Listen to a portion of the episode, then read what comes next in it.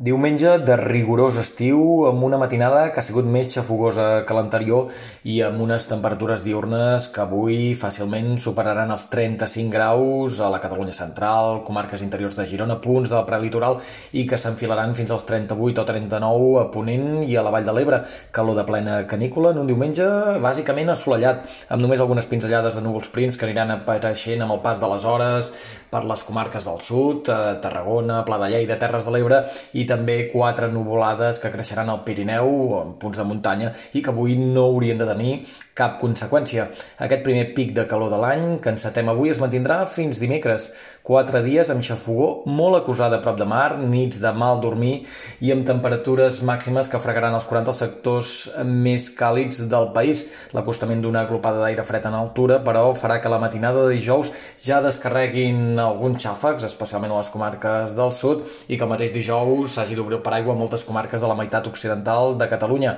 Aquesta inestabilització del temps coincidirà amb una sobtada normalització dels termòmetres que baixaran entre 5 i 10 graus en qüestió de 24 hores i que passaran dels 35, 36, 37 del migdia de dimecres a temperatures sovint a l'entorn dels 25 graus el dijous. Les últimes actualitzacions dels models de previsió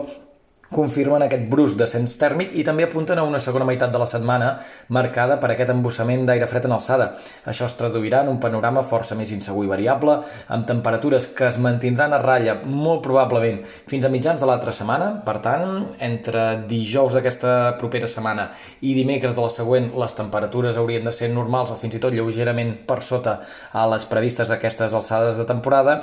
i ara mateix sembla que dissabte ens afectaria de ple la perturbació pertorbació amb precipitacions generalitzades, però aquest extrem, en tot cas, caldria confirmar-lo en els propers dies.